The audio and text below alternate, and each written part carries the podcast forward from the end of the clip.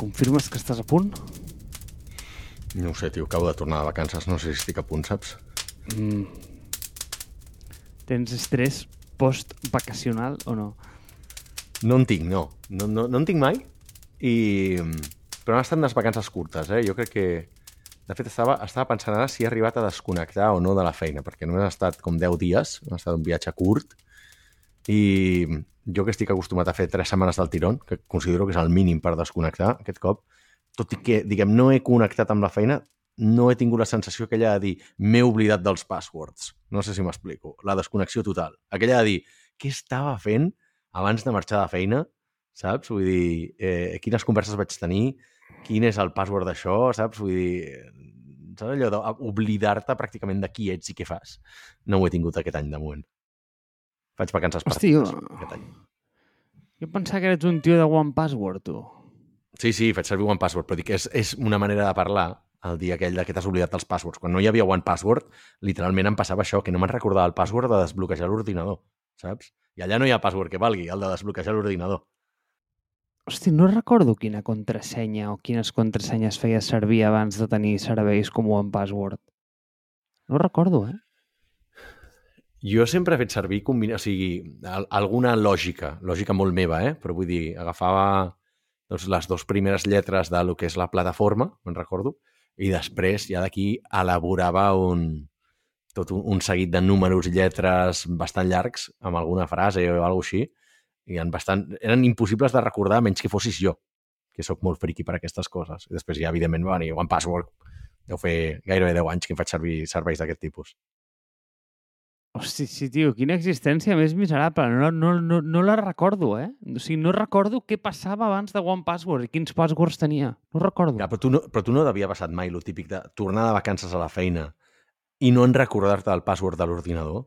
O espera, et diré més. Jo en tornar de les vacances i no en recordar-me a quin pis era l'oficina.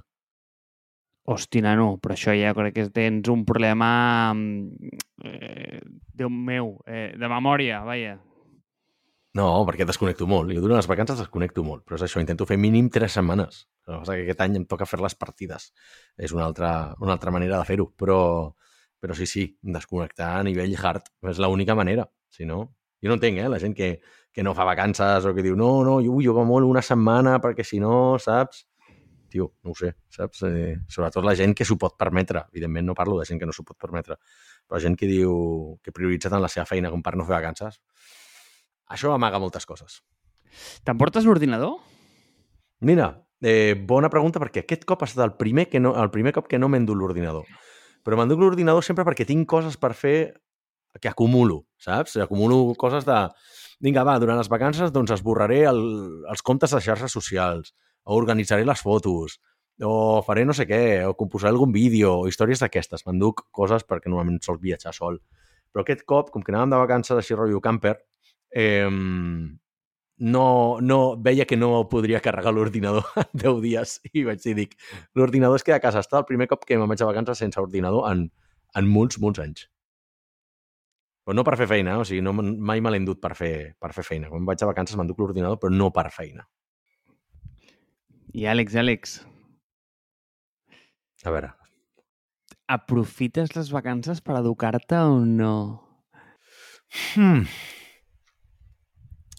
és que no... Crec que, crec que en el model d'educació contínua que faig jo no tinc moments per dir ara estudio, ara no estudio. Constantment estic aprenent coses i he tingut vacances en les que he llegit molts llibres de business i coses i aprendre coses, fer-me algun tutorial de coses. Hi ha hagut vacances en què he sudat completament del tema, o sigui, no... Però no, jo no li poso moments a la vida, sinó que quan considero que s'ha de fer, es fa i punt. No, no, no tinc una regla específica. I malgrat era una pregunta que podia semblar aleatòria, està, està ben trobada, sí o no? Anar amb trampa. És una bona assistència de gol, eh? Una bona, és una autoassistència de gol, vull dir, perquè en realitat aquest tema el dirigeixes tu. No, no el dirigeixo jo. Jo crec que tens molt a dir. Eh, bueno, de fet, bueno, destapeu ja, no?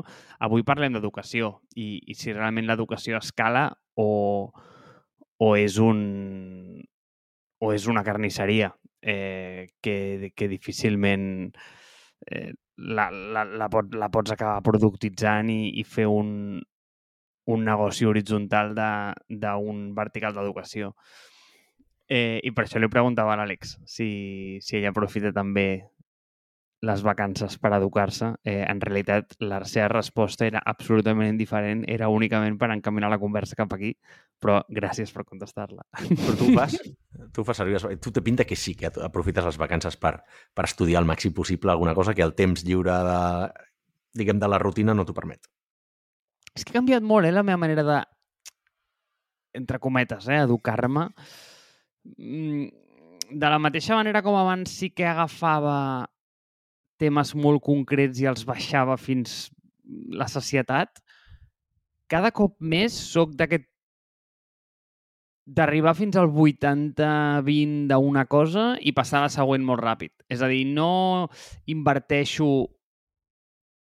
Anem a dir que cada cop sóc menys estratègic a l'hora d'estudiar de, o d'educar-me, de, sinó que li estic trobant molt valor en interconnectar diferents disciplines. I per fer això el que faig és que tinc un set de temes que m'interessen molt. Ja et vaig explicar com m'aproximo al món, no? Vull dir que havíem de saber una mica d'història i una mica de física per saber com funciona la gent, com funcionen les coses, bla, bla. Eh, intento eh, i tinc certes fonts d'educació que m'ajuden molt a, a aproximar-me a aquestes idees, però no et penses que sóc estratègic, eh? Dir, no, mira, va, aquest any estudiaré això perquè vull aconseguir tal. Crec que li estic agafant molt el gust a, a aprendre coses simplement pel, pel gust d'aprendre-les, quan abans no, no ho tenia. I és per això que sóc un perfecte inútil que sap una mica de tot, saps?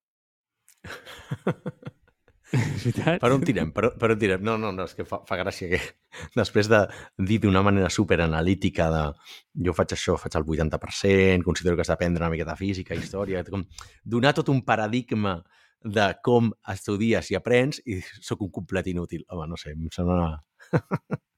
sembla molt exagerat.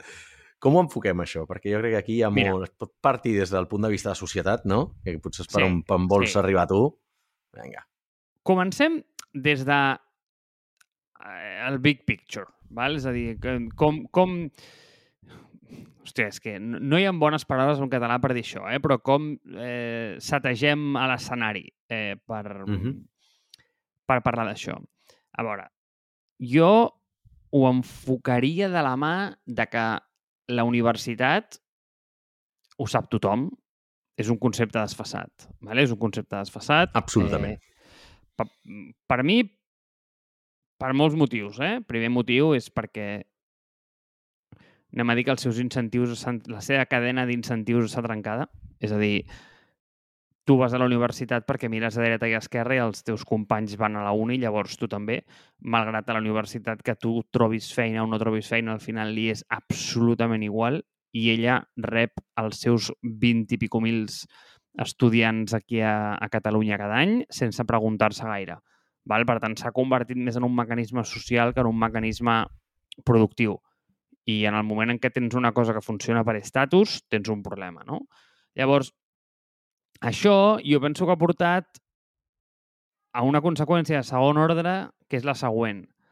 És, als anys 20, si tu eres metge o enginyer, com que n'hi havia tres, perquè tres persones podien permetre's això, hòstia, eres un tio molt valorat, no? I, i, i tenir una, una carrera era un... Ostres, eh... era, era una fita molt preuada, que et podia obrir moltes portes. Què passa? Que en el moment que això es converteix en commodity, perquè les universitats doncs, transversalment escalen, s'obren, tothom eh, és graduat universitari, és allò de... és que veus, aquesta és una cosa que és allò del...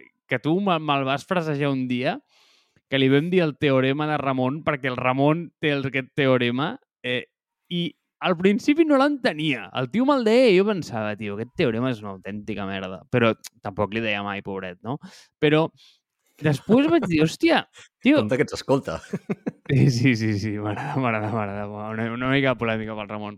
Eh, clar, després vaig pensar, hòstia, no, no, sí que té sentit això, perquè m'ho anava trobant com a cada més llocs, però ara el fort és que m'ho trobo sense pensar-hi. Eh, per exemple, aquí tens un teorema de Ramon claríssim. Tio, quan tothom és titular universitari, ningú és titular universitari. O sigui, és, és evident. Llavors, què, què és el següent nivell? Hòstia, vinga, doncs un màster, no? Llavors, Ah, hòstia, exacte. ara a la vida, si no tens un màster, eh, no ets ningú. Molt bé, però què passa quan tot Déu té un màster i tot Déu fot un màster? Jo recordo que durant la pandèmia tothom va fotre un màster. Hòstia, tothom, ara tot Déu té màsters. Eh, eh, clar, quan tothom té màster, què, què fas? Un altre màster. I quan tothom té dos, què fas? Un postgraduat i l'altre un doctorat. I, i al final és, és el mític race to the bottom que no va enlloc. Llavors, mm, acaba sent commodity, no? Eh, I per tant, què, què has de fer? Has de buscar mecanismes alternatius d'educació i aquí apareixen pues, eh, pues això, no? pues, mm, aproximar-te a l'educació des d'un altre punt de vista. És a dir, anem a veure què li interessa al mercat i anem a buscar aquests skills que em donaran que em donaran la feina, com si diguéssim. Té sentit, això, Àlex? I és una miqueta el paper que juguen potser més les, les business schools no tan tradicionals o inclús els developer bootcamps, no? Que diuen, hòstia, necessitem, el mercat necessita molts enginyers, la universitat no els produeix el ritme que els, que els necessita la societat i ni venen amb les skills. Perquè jo me'n recordo que quan jo vaig estudiar a la uni, jo considero que el, el, el com se'n diu això, el, el, el programa de la uni ja estava força desfasat.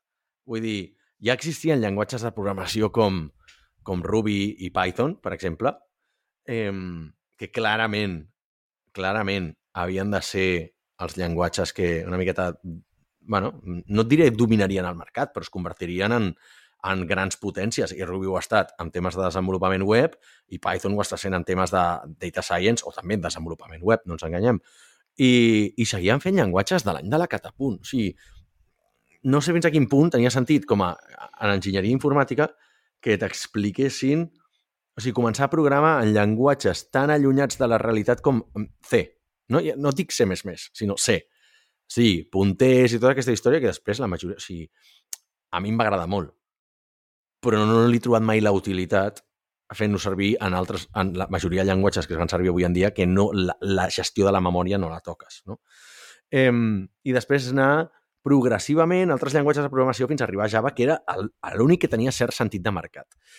Què passa? Que el, si li dones una volta, al final la universitat també, eh, el programa ve marcat per qui, per qui el dissenya. I qui està treballant a la universitat fent docència? Molta gent, els que no s'hi dediquen al 100% són gent que està fent recerca. Aleshores, intent, diuen, home, jo per fer recerca necessito tal cosa, la posaré al, al programa perquè els alumnes que surtin aquí, algun vindrà a ajudar-me amb el meu doctorat, amb la meva línia de recerca, etc etc. I la universitat es dedica a utilitzar molt més aquests llenguatges de, de programació que no pas al mercat tradicional. O sigui, el mercat està orientant clarament a web. Ja no et dic a mòbil, perquè quan vaig acabar encara no... L'iPhone potser... Em sembla que va sortir... mm, Ara em corregiràs tu, no? Va ser 2009 que va sortir l'iPhone? Quin any? Va presentar va presentar el 2007, va sortir el 2008. Però les, les apps, quan van, 2009. van venir? En 2009, vale. Això, aquí és on volia arribar. No hi havia... Clar, no es podia desenvolupar per, per, per iPhone, no? O sigui, o sigui, evidentment hi havia un mercat de desenvolupar per, per Symbian i tota aquesta història. Symbian, no me'n recordo com es deia la moguda aquella i tots aquests eh, altres sistemes operatius i els de Nokia, però qui ho feia? No? Eh, hi havia molt poca quota de mercat. Però dius, hòstia, realment desenvolupament web van fer una, una assignatura, un trimestre, i ni tan sols era pràctica, era web, eh, era, perdó, era teòrica. I dius, collons, i això la Pompeu, que era com de, de, a nivell de currículum, a nivell de programa, era les més avançades, perquè la UPC sempre ha estat molt més conservadora. I dius, no està molt alineat amb el mercat. Ja ho he comentat algun cop, per fer canvis al programa docent eh, d'una carrera fan falta anys. Aleshores, el mercat evoluciona molt més ràpid del que pugui evolucionar a la universitat i el que dius tu, no hi ha els incentius aquests, no? I per això han tingut tanta tirada el, els bootcamps, i, i, i crec que té sentit que parlem d'això pel teu passat a Ironhack, perquè d'alguna manera van tenir el seu boom en, en el mateix moment en què el mercat demanava molts desenvolupadors, doncs es van sortir molts, molts bootcamps, van aparèixer com bolets, i van resoldre, et diré que francament bé, una problemàtica de mercat que la universitat no estava preparada, que estava generant un coll d'ampolla, claríssim. Després podem parlar de la qualitat dels bootcamps i de la gent que surt dels bootcamps. Crec que dona per dos o tres episodis. Però, però van ser un bon moviment per donar a entendre que la universitat no respon, o sigui, no pot donar sortida a totes les necessitats d'una societat que tecnològicament avança molt més ràpid que l'àmbit eh, universitari. No? I aleshores, en aquest sentit, jo crec que va ser una bona resposta. S'han creat bootcamps especialitzats d'altres coses, n'hi ha de producte, de UX UI, n'hi ha de data science... Però, bueno, mm, estem obrint moltes, moltes portes, em sembla, i no sé si t'he contestat a la pregunta. Sí, m'has contestat, però si ho enfoquem una mica a lo que veníem a parlant aquí, que era l'escalabilitat, Clar, jo sempre m'he trobat amb una cosa que m'ha semblat molt interessant, no? I és, clar, l'escalabilitat de què ve de la mà? De portar... la pèrdua de qualitat. Mm. Sí i no, ¿vale? M'he Perquè dius, mira, va, eh, no, no, o sigui, t'ho compro, eh? T'ho compro, però tu pots escalar molt un producte i, eh, i fer-lo d'una qualitat molt acceptable, però d'un producte de software com un producte de hardware, i, vull dir, i, i no ho sé, vull dir, es fabriquen molts milions de dispositius iPhone en el planeta i, hòstia, són de molt bona qualitat. És a dir, tu pots escalar un producte transversalment i mantenir la qualitat d'aquell producte si tens com, d'alguna manera, doncs, escolta, vull dir, eh, una, un procés de manufactura mm, Exacte. pristí, no? Però què passa? Que, és, és, a, a on vaig? A on vaig amb això? No hi ha cap episodi sense el pristí, eh? Home, tio, no, no, no ens pot faltar, Àlex, no ens pot faltar. Eh, on vaig amb Ah. això? Vull dir que si ens assenyim al teorema de Ramon, eh, quina és mm, la última conseqüència d'escalar l'educació? És que tothom tindrà aquella llicenciatura o aquell degree, no? Mm, Clar, quin Clar. problema tens? Qui, quin Que es problema dilueix tens? el valor total. O sigui, no és, una, Exacte. no és un, un, un, un efecte de xarxa en el qual, contra més gent hi ha amb això, guanya més valor la xarxa. Al contrari, Exacte. aquí es perd. Just, Sí. just, just, Àlex, Mhm. just. Mira, eh, no ho havia pensat mai amb, amb efectes de xarxa, però tens tota la raó del món, és claríssim, no? Vull dir, el fet de que jo tingui un iPhone i tu també ens va molt bé perquè segur que podem parlar per iMessage i podem fer moltes merdes, no? Però, eh, clar, si tu tens un graduat en enginyeria informàtica i jo un altre, eh, tu i jo estem competint per una feina, no? Eh, eh, però aquí què, què és el que vull dir? En el moment que tu, tu imagina't que l'Àlex demà va muntar un bootcamp, ¿vale? i el vas a muntar, eh, i el que tens és, ostres, eh, 20 places per tres programes a l'any on assegures una qualitat espectacular d'aquell programa i la teva obsessió és agafar aquelles 60 persones, 20 per 3, i emplear-les cada any en les millors feines, no? Què tens aquí? Tens una boutique, quasi, no? Tens el Ramen i a Hero, pràcticament, Sí. no? És a dir, tens un Sí, sí. lloc amb... I, i per, per qui no sigui de Barcelona, és un restaurant molt petit on sempre hi ha cua, ¿vale? eh, perquè hi ha molt poques taules. Eh, eh, I aquí i d'aquí igual bé també mm, es deriva la qualitat del seu producte, perquè no és una cosa que escali. Què passa? Que quan tu converteixes aquest negoci educatiu el vols escalar, deixes de ser docent per convertir-te en emprenedor o en un empresari. Llavors, el teu foco deixa de ser la qualitat de l'educació i passa a ser el número d'estudiants, l'average revenue per estudiant, etc, etc. És a dir, canvies el teu, bar, el teu barret i passes de ser mm, un educador, un formador o una persona super, super, super preocupada pels outcomes del teu estudiant i la teva mètrica última acaba canviant. I ara ja Exacte. Et preocupes donat. per la compta de resultats, no pels outcomes de l'estudiant. I això, amb educació, sempre passa. I llavors, o sigui, on ho veus magnificat a l'extrem, això? Això ho veus magnificat a l'extrem amb els, amb els MOOCs, no? o amb els cursos online, eh, on l'escalabilitat és acollonant, però, clar, al final, vull dir, no, és que no pots servir un producte educatiu de moltíssima qualitat. Jo amb això sempre penso en diverses coses, no? Per exemple, Ironhack al principi era un producte molt boutique, eh, tu, algo molt, molt custom, on sortia una gent, hòstia, eh, que dius... I no dic que surtin mals estudiants ara, eh? però sí que és cert que és un producte que ha pecat d'escala perquè al principi no tenia aquests problemes d'obrir nous campus, eh, generar nous deals amb empreses, etc, etc, etc. I es podia centrar en el seu core, que era al final l'educació.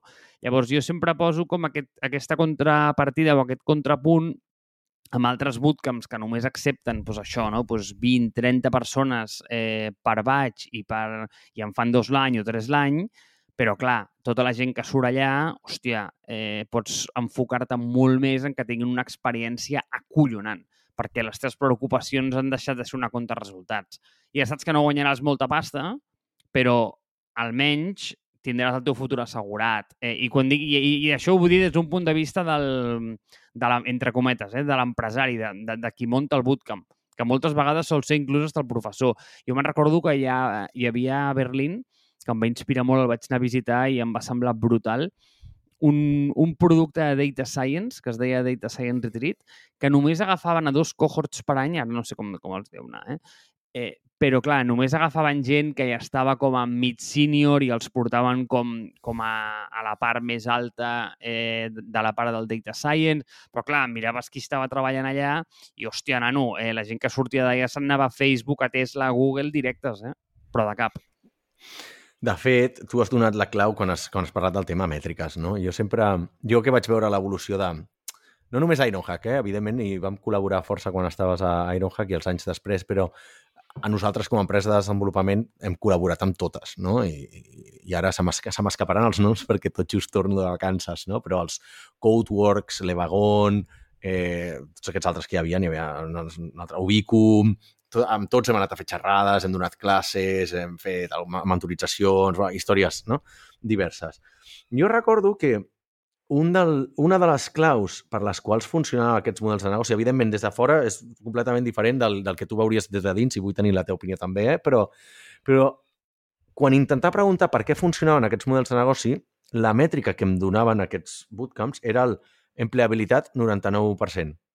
I dius, clar, és que en un mercat que va necessitadíssim, desesperat per desenvolupadors, ara exagero, eh? però les empreses fitxaven 4 o 5 desenvolupadors de cop d'una tacada perquè diuen, és que només que un d'aquests quatre em surti bé ja m'ha pagat la... ja m'ha anat bé, no?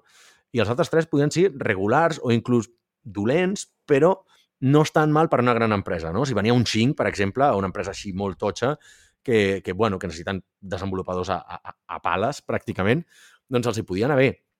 I això perpetuava aquest tema de, de l'empleabilitat, no? Però no, no es mesurava des del punt de vista de, per exemple, de quins coneixements adquirien i si realment eren eh, gent molt, molt, molt vàlida. No? Això des de fora, des de dins segurament teníeu altres mètriques i m'atreveixo a dir que estaven molt més orientades a negoci que no pas als coneixements que adquiria la gent que passava pel, pel cohort. No? Però una de les coses que sí que vaig veure des de fora i que em va fer grinyolar molt el model aquest és que el primer co cohort doncs, gent com nosaltres donava classes allà i nosaltres érem la pitjor empresa de totes de les que donava classes allà perquè teníeu gent de Spotify i de Rakuten i de no sé què, que ens donaven 50.000 voltes, però en els següents cohorts me'n recordo que era com, bueno, o sigui, gent de... pràcticament els que s'havien graduat en el primer cohort passaven a ser els, els, els professors o els teacher assistants, no me'n recordo, de les següents generacions. I dius, gent sense experiència real en el món real, només perquè ha fet un bootcamp, l'ha explicat molts cops, t'està explicant com ser desenvolupador en un món al qual no ha tingut gaire experiència, per no dir ninguna, no? I a mi això, no Ironhack en particular, eh? en la majoria d'ells, per no dir en tots, eh, menys potser els que són tan botic que van dir no, no, jo no vull escalar i sóc 20 persones l'any, fantàstic. Perquè aquest, segur, el que té 20 persones l'any i no vol escalar, segur que té les mateixes mètriques el dia 1 que va començar i 8 anys després, no?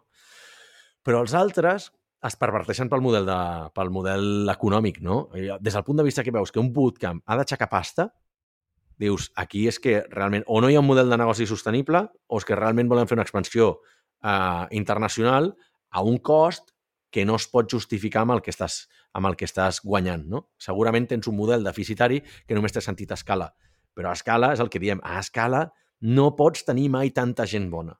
Mai podràs tenir-ho. De fet, hi ha una frase que, por ahí, que la, que la veus per Twitter, que, això, que diu cap empresa té els 10 millors desenvolupadors del món. Cadascú treballa en una empresa diferent. Per tant, què et fa pensar que tu tindràs els 10 millors professors del planeta, si ets Levagon o Ironhack, no? Què et fa pensar que tu, com a Rakuten, tindràs els 100 millors desenvolupadors de Ruby on Rails del planeta? No els tindràs perquè estan treballant en llocs completament diferents. Per tant, jo per això crec que personalment l'educació no escala i és una d'aquelles coses que dius a la universitat perquè és un model completament desfasat.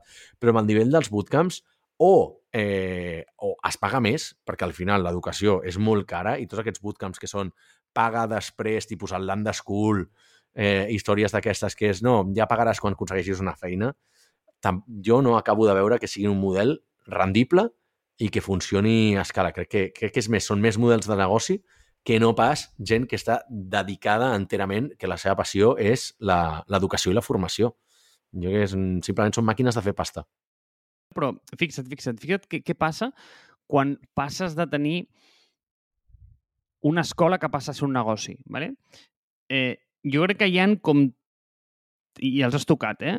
Tres factors que són inevitables. Fixa't. Per escalar necessites un professorat. Molt professorat. Que no trobes. Perquè, anem a dir, un desenvolupador ja té, i ara posem un exemple de programació, ja té la seva feina, segurament cobra més a l'altra banda i no es vol distreure gaire, per tant ho ha de fer per vocació i anem a dir que el diagrama de vent de eh, formador, programador altruista és petit. Eh, per tant, és, és molt complicat escalar, llavors què fas? Pues baixes la qualitat dels professors a base de què? Pues de seleccionar dintre del teu pool de graduats. I és el que tu dius, els professors al principi eren l'hòstia, els de després, not so much. I posa la mètrica, la mètrica es manté perquè és empleabilitat. Exacte. exacte. Però segurament no tens una mètrica interna, no sé si vosaltres teníeu la mètrica interna de no graduats fent de professor per, per, per cohort, no? Clar, joder, aquesta mètrica és tricky, eh? No, no la teníem Clar, aquesta. si l'haguéssiu però... tingut probablement no hauria, no hauria funcionat el model de negoci, no? No, no, no, segurament no, però fixa't que, que hi ha més, eh? perquè tu moltes vegades aquí has mencionat eh, el, el llibre de Crossing the Chasm. Sí. En el cas dels bootcamps, en aquest cas, és... Bueno, o sigui, és, és, és, un, és una cosa que no és que es traquegi de prop, no. És que és la cosa. Què és el que passa? Al principi, a Ironhack, jo recordo... Ostres, eh, cohorts de 15 persones que literalment dormien en allà Sí. però literalment dormien en allà que a l'hora d'emplear-los s'empleaven ells solets. Ja sabien a quina companyia volien anar, deien jo vull fer això, això, això, això, ho tinc claríssim, pam, anaven a parlar amb elles i, eh, tio, o a la segona setmana ja estaven fitxats per algú. Com, exacte, com, com, just. O sigui, que va ser just, com el, el, just. el Ricard, me'n recordo. Se me'n recordé el cas del Ricard, que vam dir aquest tio té bona pinta. No, ja l'ha fitxat, no sé qui, l'havia fitxat eh, Rakuten, potser, no me'n recordo ara, però ja l'havia fitxat I... algú i dius, joder. I clar, què és el que passa? Que cada vegada la corba d'usuaris que t'està venint li parla menys al craft de, ostres, vull ser programador perquè, escolta, tinc una, un interès genuí amb això i venen atrets pel reclam de et donaré una feina. Clar, en el moment que vens mmm, ja com que presumptament tu m'has de donar a mi una feina, hòstia, delicat, eh? Delicat. Eh, és és... És una promesa que a vegades costa perquè, clar, eh, és allò de dir, no, mira, seuré en una cadira durant dos mesos i al final de la cadira eh, tindré una feina, quan no funciona així.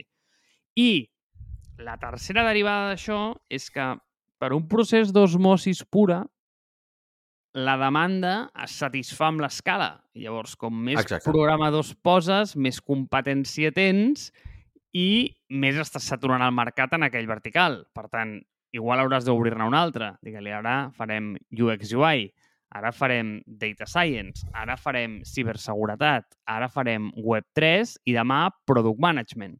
Eh, perquè, clar, com que no pots satisfer el volum de demanda que hi ha al mercat, eh, però, però, però no el pots satisfer a, a nivell d'empleabilitat, em refereixo, eh? perquè estàs posant massa gent i has saturat, vull dir, és una osmosis pura, no?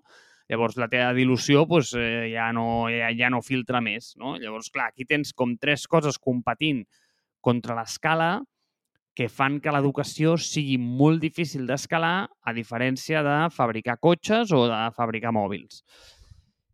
I per últim, i això és el que em fa ràbia, i és que tu ho has mencionat, però jo et donaré un repunt amb això. Perquè em dius, hòstia, és que s'estan intentant fer malabars amb els models de negoci. Que si els ISA, que són els, eh, els ISAs aquests, no? que són els Income Share Agreements, de eh, tu uh -huh. no paguis res, ja pagaràs i et descomptarem del salari, Clar, tot això què es fa? Pues per captar més gent, no encara per fer-ho més, més, més atractiu.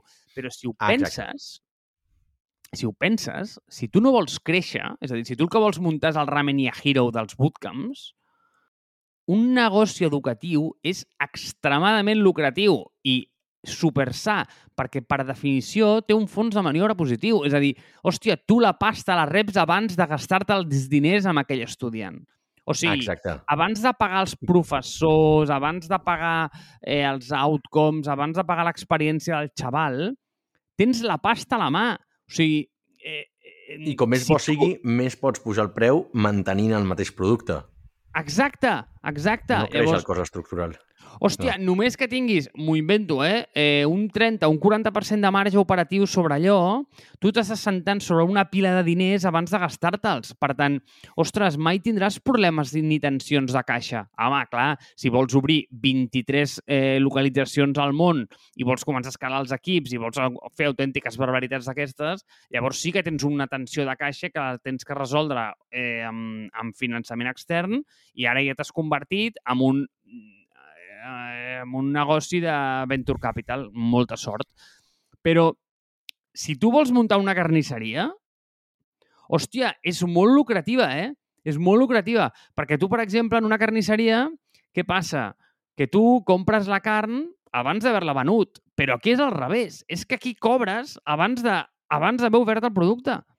I clar, eh, negocis que tenen aquest fons de maniobra positiu, hòstia, és, és, és difícil de trobar-los, eh? Mm... Suposo que el punt d'equilibri deu ser en quan passes de fer purament inbound, perquè tens...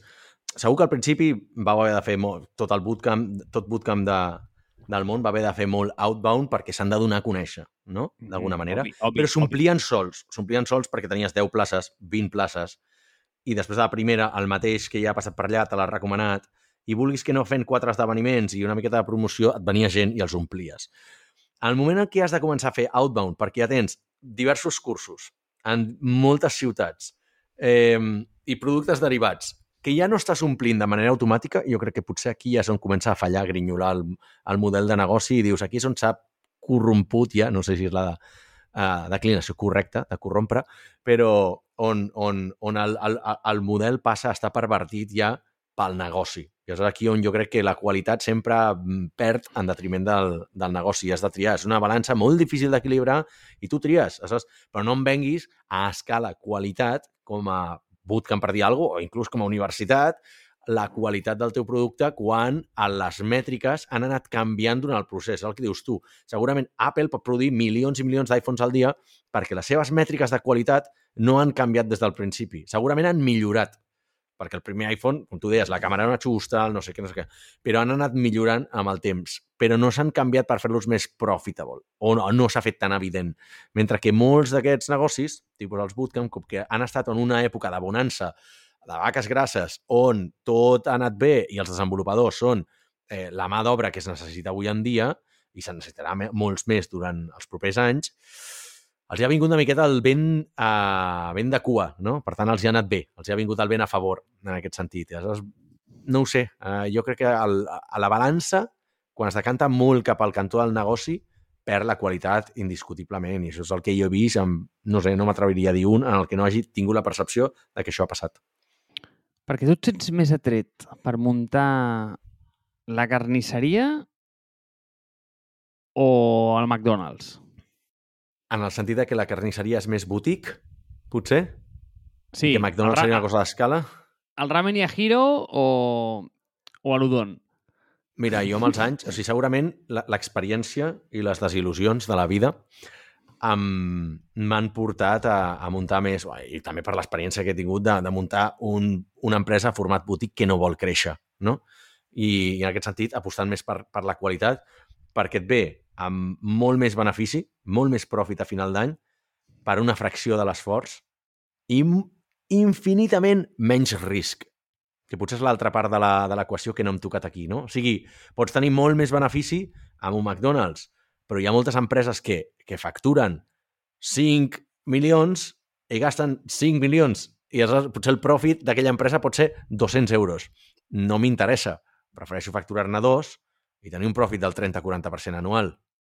Mm, oh, que no pas, I tenir-los assegurats durant la resta d'anys de la meva vida, per, per dir-t'ho, o inclús anar-lo incrementant, que no potencialment muntar una cosa que potencialment, si tot va bé, i no m'he mort d'estrès en el, en, ni, ni m'han matat l'empresa, els inversors, ni, ni els canvis de mercat i tot això, potser la puc vendre per uns quants milions al cap d'uns anys i em quedaré amb uns milionets que sempre vindrien bé, però potser també els puc fer anar, fent-los poc a poc cada any. No sé si m'explico, a base de, a base de, de, de revenue. Per tant, carnisseria. Però és que no és, no, és una, no és una analogia correcta, perquè en el món de les consultores les carnisseres, són, les càrniques, són les dolentes. Per tant... El ramen yajiro, llavors. El ramen yajiro, absolutament. Sempre sent ramen yajiro.